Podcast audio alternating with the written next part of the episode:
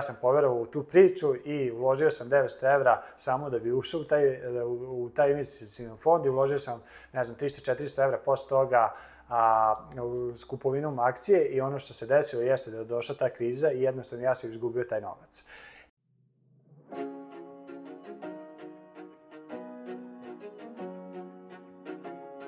Dobrodošli, danas je videoklip. Današnja tema ponovo je novac. A, prošli put smo govorili o principima za pametno upravljanje novcem. Danas ćemo malo produbiti temu vezanu za investiranje i konkretno jedno pitanje koje sam dobio pre par meseci na Instagram, pitao me je jedan čovek a, a, gde da vas, koji je najbolji način da se uloži određena svota novca. Mislim da je bilo oko 1000 evra.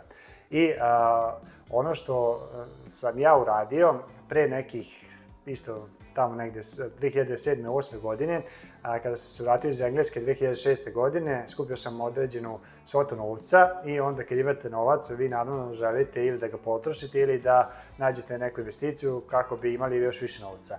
I kad imate novca, onda padate na sva, svakakve priče i oči su vam uvolike e, kada vidite veliki povrat na investiciju. Tako su mene bile oči a, velike kada sam čuo za neku super investiciju u tada investicione fondove 2007. godine ili 8. godine, početkom 2008. godine to se dešavalo pre, pred veliku onu krizu i a, sve to super zvučalo, izgledalo, investicioni fondovi a, smanjiti rizik tako što će za vas, u, vašim novcem upravljati profesionalni menadžment, ulagaće u najveće kompanije, nema šanse da izgubite novac i ja sam poverovao u tu priču i uložio sam 900 evra samo da bi ušao u taj, da, u taj investicijni fond i uložio sam, ne znam, 300-400 evra posle toga a, s kupovinom akcije i ono što se desilo jeste da je došla ta kriza i jednostavno ja sam izgubio taj novac. I a, zašto vam ovo pričam? Ja sam imao određen svot novca i izgubio sam, izgubio sam je zato što nisam znao, ušao sam u igru koju nisam znao da igram, nisam znao pravila igre i to je jedna najvažnijih e, lekcija koju danas želim da vam prenesem u vezi novca. Znači, ima dva osnovna pravila investiranja. Prvo pravilo investiranja je nikad nemojte izgubiti novac i drugo pravilo investiranja je pogledajte prvo pravilo. I zaista je to bitno. Znači, nemojte po svaku cenu skakati, davati, investirati novac u neke stvari koje ne razumete, zato što je jako velika vjerojatnoća da će taj novac izgubiti, zato što a, nije lako investirati novac, na primjer kao i u Monopolu, a, ako ste igrali kao deca, možda igrate i sad, dobra igra, po, pouči dobre principe, a ako ste počeli prvi put igrati Monopol sa nekim iskusnim, znate da, bi, da ste brzo izgubili taj novac zato što je taj neko pre vas naučio kako igra funkcioniše najbrže, kupio jednu kućicu, dve, tri hotel i tako dalje i onda vam od,